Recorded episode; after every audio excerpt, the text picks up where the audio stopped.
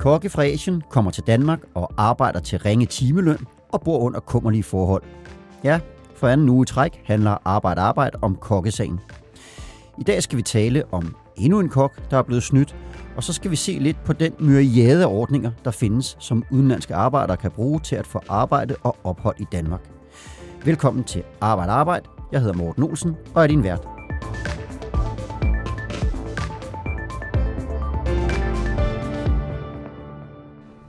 Det skal som sagt handle om underbetalte udenlandske kokke igen i dag.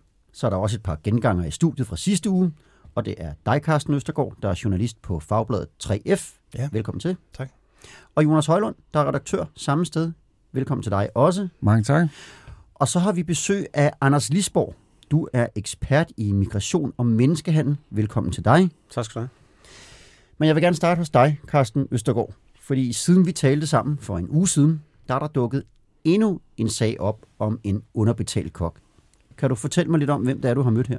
Ja, det er en, øh, en thailandsk mand. Han hedder Sudachai Nok Tongpap, hvis jeg udtaler det korrekt, men øh, bliver bare kaldt Nok i, i daglig tale. Mm. Han øh, får et job i en restaurant i Hillerød. Øhm, Thai for You hedder den, og, øh, og der arbejder han så i fire år, fra 2015 indtil slut 18. Og øh, øh knokler løs, har syv dages øh, arbejdsuge. Han har fri tre dage om året, siger han til os. Det er juleaften, det er dagen efter, og så er det nytårsaften. Det er sjovt nok de samme dage, som øh, restauranten har lukket.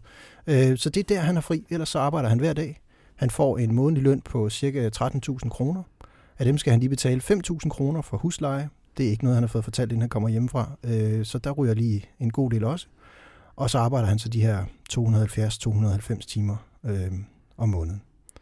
Så det er Noks virkelighed. Og med andre ord, en sag, der fuldstændig ligner dem, vi har øh, talt om tidligere. Han er underbetalt, han bor ringe, og han har ikke øh, fået opfyldt det, han blev lovet, da han rejste til Danmark. Nej, for nok er her jo også på den øh, ordning, der hedder beløbsordningen, som vi har talt om tidligere. Og det er den her med, at man, man skal have et beløb, der ligger omkring øh, nuværende øh, niveau af, af 35.500 kroner. Der nok kommer hertil, så er det 31.300, mener jeg, han skal Mm. starte på, og så skal det så stige løbende. Og de, de penge ser han jo aldrig nogensinde. Han er ikke i nærheden af at få den løn på noget tidspunkt. Nej. Og det er beløbsordningen.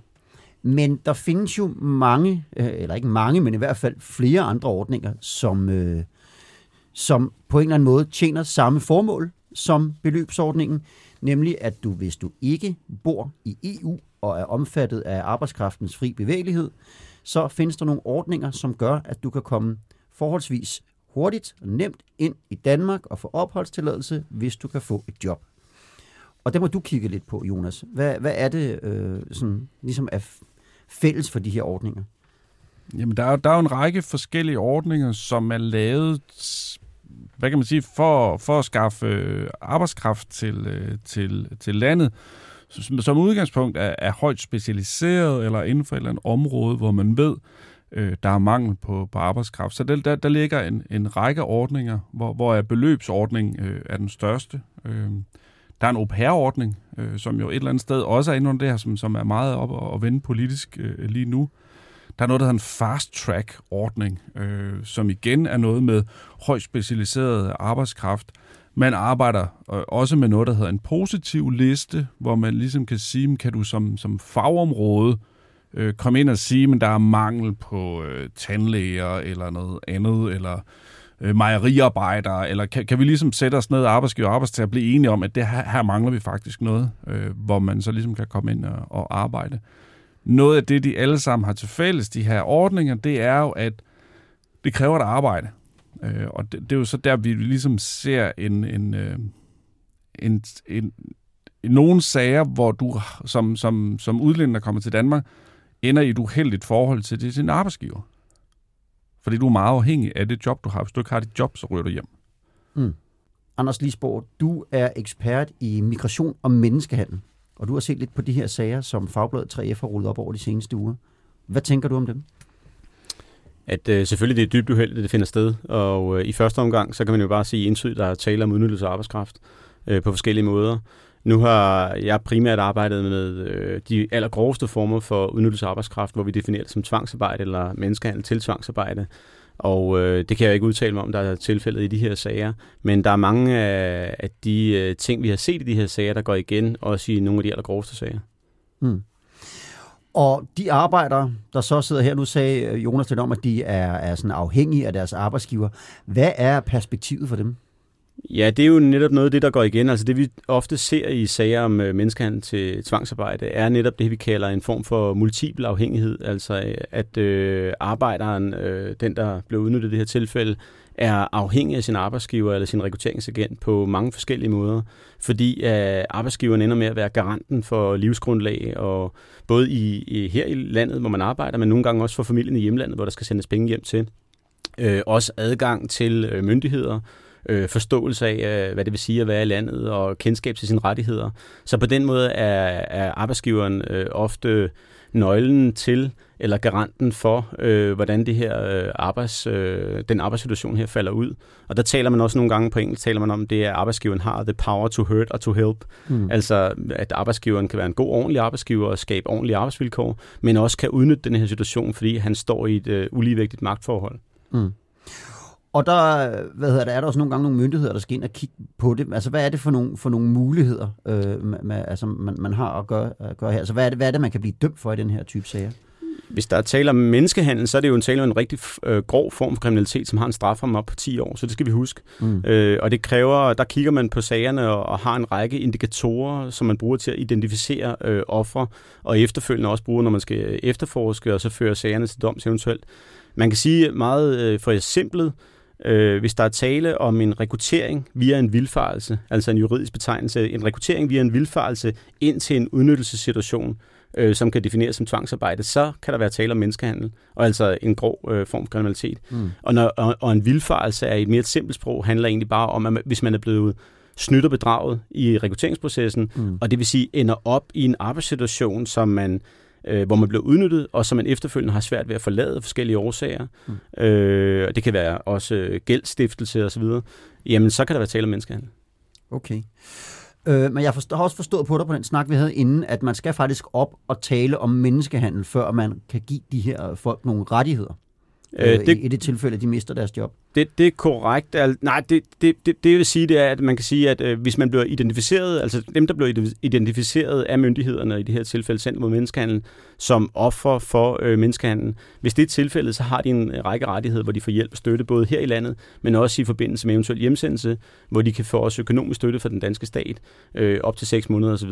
Mm. Så, øh, så det er ret afgørende, kan man sige, øh, hvordan de her sager blev vurderet, og, øh, og øh, i, i forhold til i, i hvilken grad at øh, offerne her, eller dem, der blev udnyttet, har mulighed for at få den form for hjælp i hvert fald. Mm. Men, men jeg vil bare lige ja. sige, det, det, det der kan være eksemplet her med sådan en som, som, som nok eller, mm. eller en anden, som hvis de henvender sig til myndighederne, og myndighederne ikke vurderer, at du er menneskehandel, så ryger du bare hjem. Mm. Så du har enormt meget tab i, i det spil, i forhold til at henvende dig til myndighederne. Ja. Ja, fordi perspektivet øh, ved at ryge hjem, hvordan, altså, øh, dem I har talt med, har, har de, øh, altså, hvad, hvad er bedst for dem? At, at rejse hjem igen, øh, eller sidde med det, må vi sige, usle job, de har fået heroppe? Altså man kan sige, der er jo, der er jo to ting i det. det. Den ene er, at de, øh, som, som Anders så siger, så har de stiftet en gæld ofte. Enten i, i Danmark, hvor de har arbejdet, eller, øh, eller i Kina for eksempel, eller Thailand. Øh, og, øh, og, så, og nogle gange begge steder. Og den skal jo betales af ligegyldigt hvad.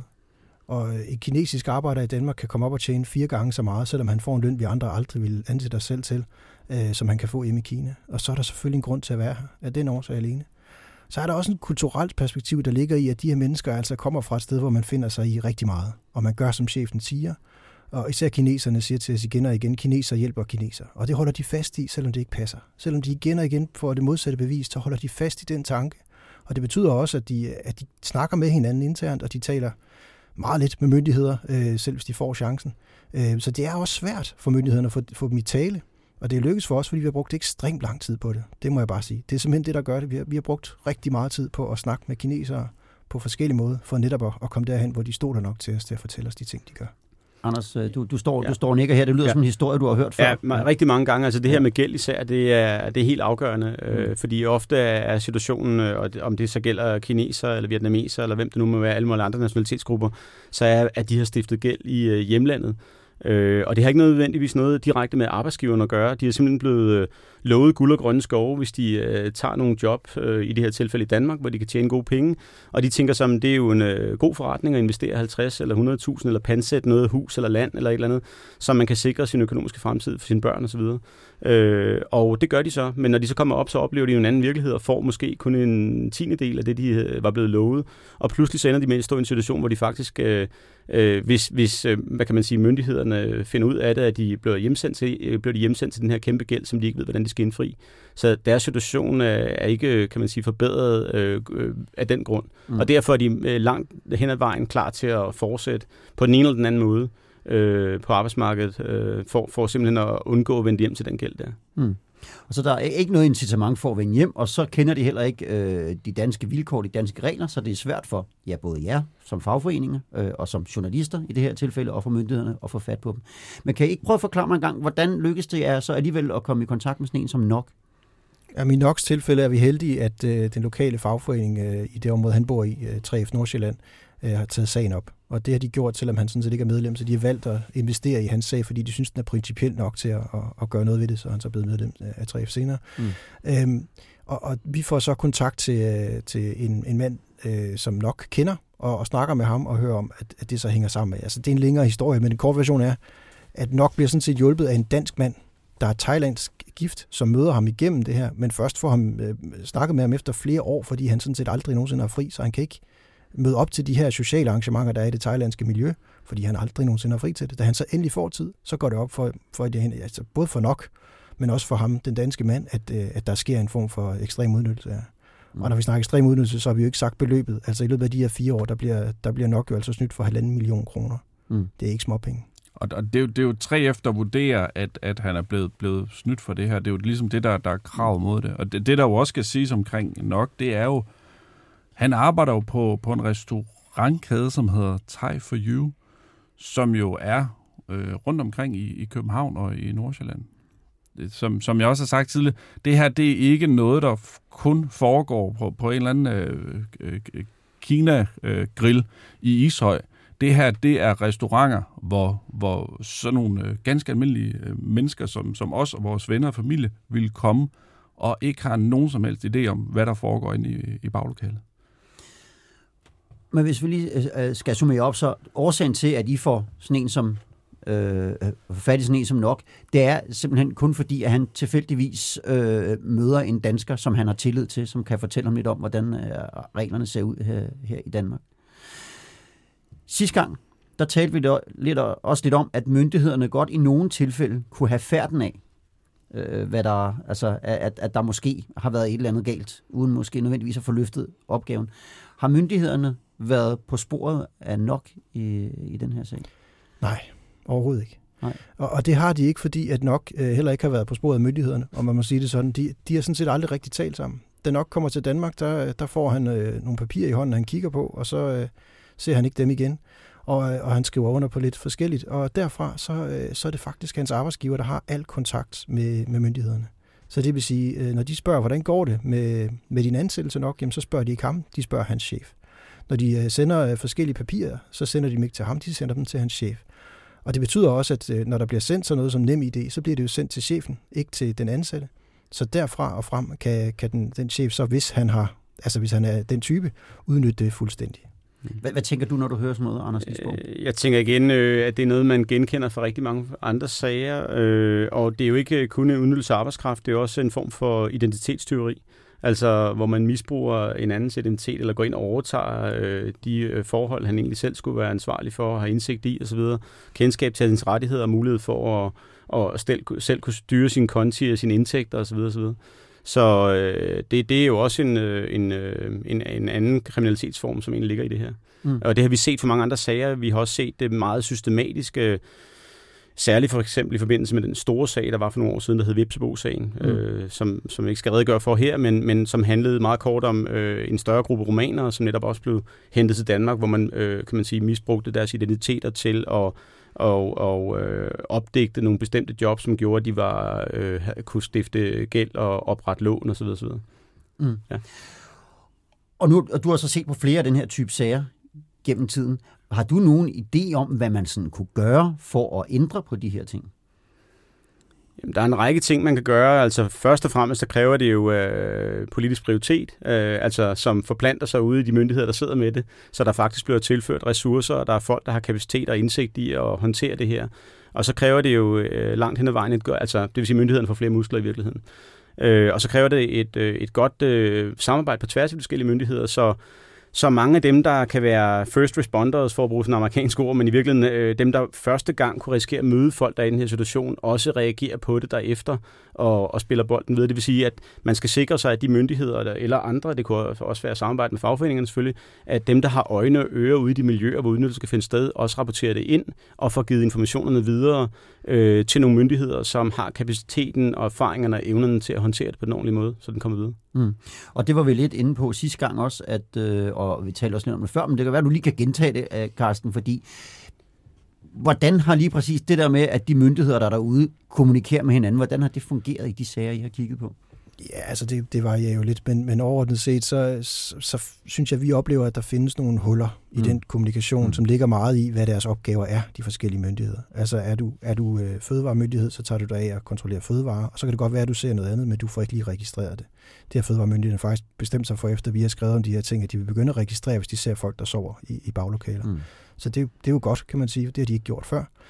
Er man en anden myndighed, som for eksempel skat, jamen, så ser man på skattepapirer, men man ser jo ikke på folks øh, levevilkår. Øh, er, man, øh, er man siger, jamen, så kigger man, øh, kan man ikke tage ud på kontroller selv, så skal man have hjælp fra politiet. Og er man politiet, jamen, så kigger man kun på, om der er et stempel i passet, og er der det, jamen, så gør man ikke så meget mere. Mm.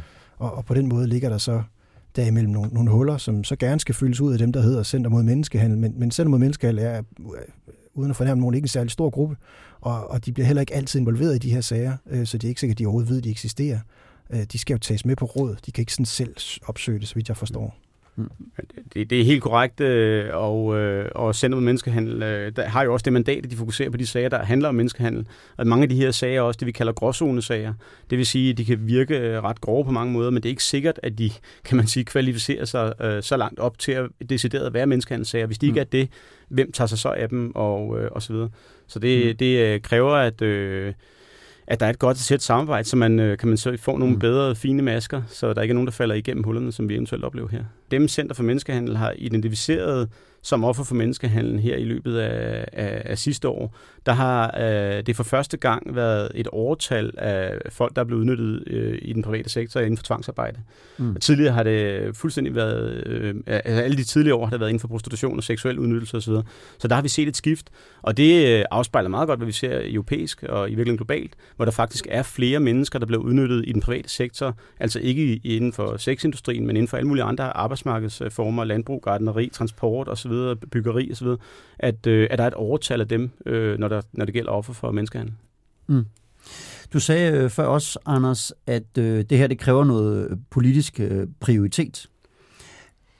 Er det øh, så noget, vi har set oven på, på, på de sager, I har bragt frem i lyset her så? Ja, det synes jeg. Jeg synes, der er en, en stemning. Nu har vi talt med en del folketingspolitikere og, og en minister også, og jeg synes, deres, deres umiddelbare øh, udtryk er, at, at der skal ses på det her, der skal gøres noget ved det. Øh, der er også en del harme over, at der er folk, der bliver behandlet sådan i Danmark. Selvfølgelig er der det. De politikere er jo mennesker, ligesom resten af os. Men udebart, så der kommer et samråd øh, med ministeren her i, øh, og den minister, jeg taler om, det er Tesfaye, altså udlænding- og integrationsministeren, i det tror jeg, den 22. januar. Der vil være en del spørgsmål til ham, kan jeg afsløre allerede nu, øh, som handler om det her, og jeg er sikker på, at han, han nok også skal svare på mange af de spørgsmål, så godt han nu kan. Men om det så lukker de huller, der er, det er jo det store afgørende spørgsmål. Fordi når vi taler om de forskellige myndigheders øh, rolle, kan man så finde en måde at få lukket det af på, når man sidder som udlænding- og integrationsminister? Fordi det ligger jo sådan set under forskellige ministerier. Mm. Så hvis det her skal foregå på en, på en ordentlig måde, så, så tror jeg måske, man skal, man skal overveje en, en anden indgang, end bare at ligge det hos et ministerie. Men hvad har han ligesom sagt lagt op til ministeren? Jeg, jeg ved, I har talt med ham i løbet af ugen. Ja, altså en af de ting, han, han siger, man skulle overveje at gøre, det var sådan set at give, uh, siger altså myndigheden, der kontrollerer og udsteder de her uh, arbejdstilladelser, muligheden for at afvise folk, hvis de har en mistanke om, at det, er, at det ikke er et, et rigtigt grundlag, de bliver ansat på. Hmm. Men det kan man sige, det er jo en god løsning på, øh, på en del af problemet, men igen, så rammer man kun den person, der søger jobbet. Øh, jeg tror måske, hvis man skal se lidt højere op i, i perspektiv, så hvad gør man så for at, at stoppe dem, der får nye folk til? Øh, og der, der synes jeg måske, der, der kunne være noget at kigge på. Ja. Anders, du vil meget gerne ind her. Ja, ja, men jeg vil bare tilføje, at, øh, at nu er det igen godt, at øh, 3F har lavet undersøgende journalistik, eller Fagbladet har lavet undersøgende journalistik, som peger på nogle af de her ting, der har I også gjort tidligere for år tilbage i rengøringssektoren osv., så, så, så kado til det, fordi at, øh, så kommer det frem, og en ting er, at der er ikke tvivl om, at de her sager, de vokser i skyggen, kan man sige. Ikke?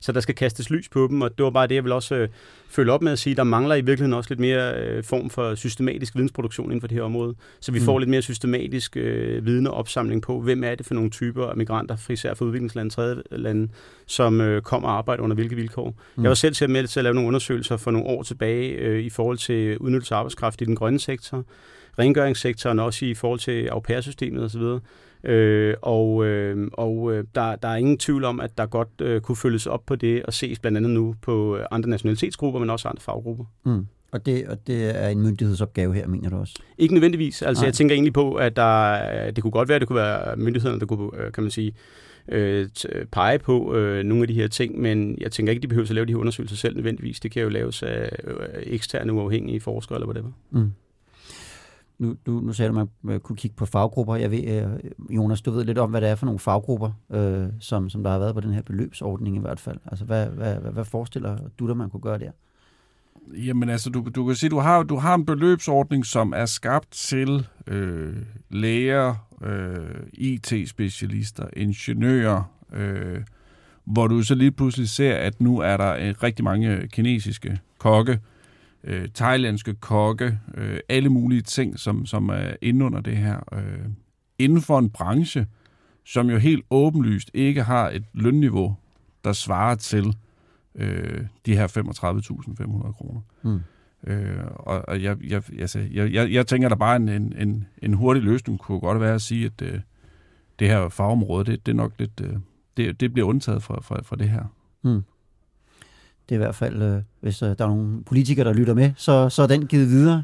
Carsten, du vil lige på falderæbet, for vi er ved at være færdige. Der vil du gerne lige ind og, og ja, sige noget. jeg vil bare lige runde nok af, vores ja. øh, kære thailandske ja. ven. Han, han bor jo nu i Tyskland. Ja. Han har fået et job på et øh, tysk øh, resort-hotel, øh, ja. øh, arbejder som kok der. Ja. Igen, thailandsk kok. Det er sådan set det samme arbejde, han laver. Men øh, i Tyskland, der fik han på første dag en, øh, en fin lønseddel. Han fik at vide, hvor meget skat han skulle betale.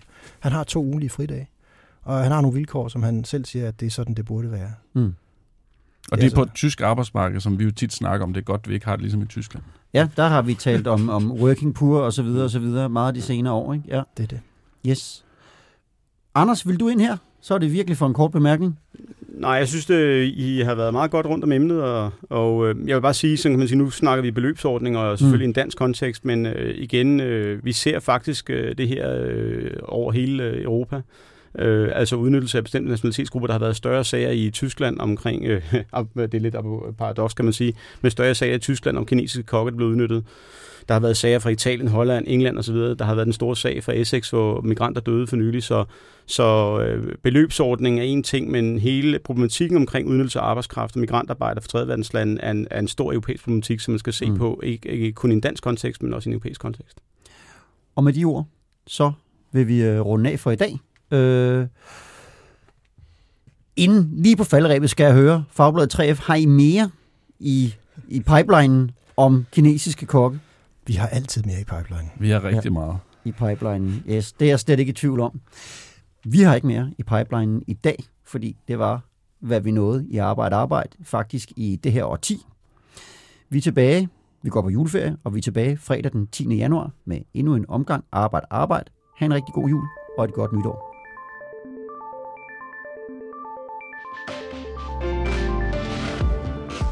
Du har lyttet til Arbejde Arbejde. Podcasten er produceret af produktionsselskabet Rev for Fagbladet 3F.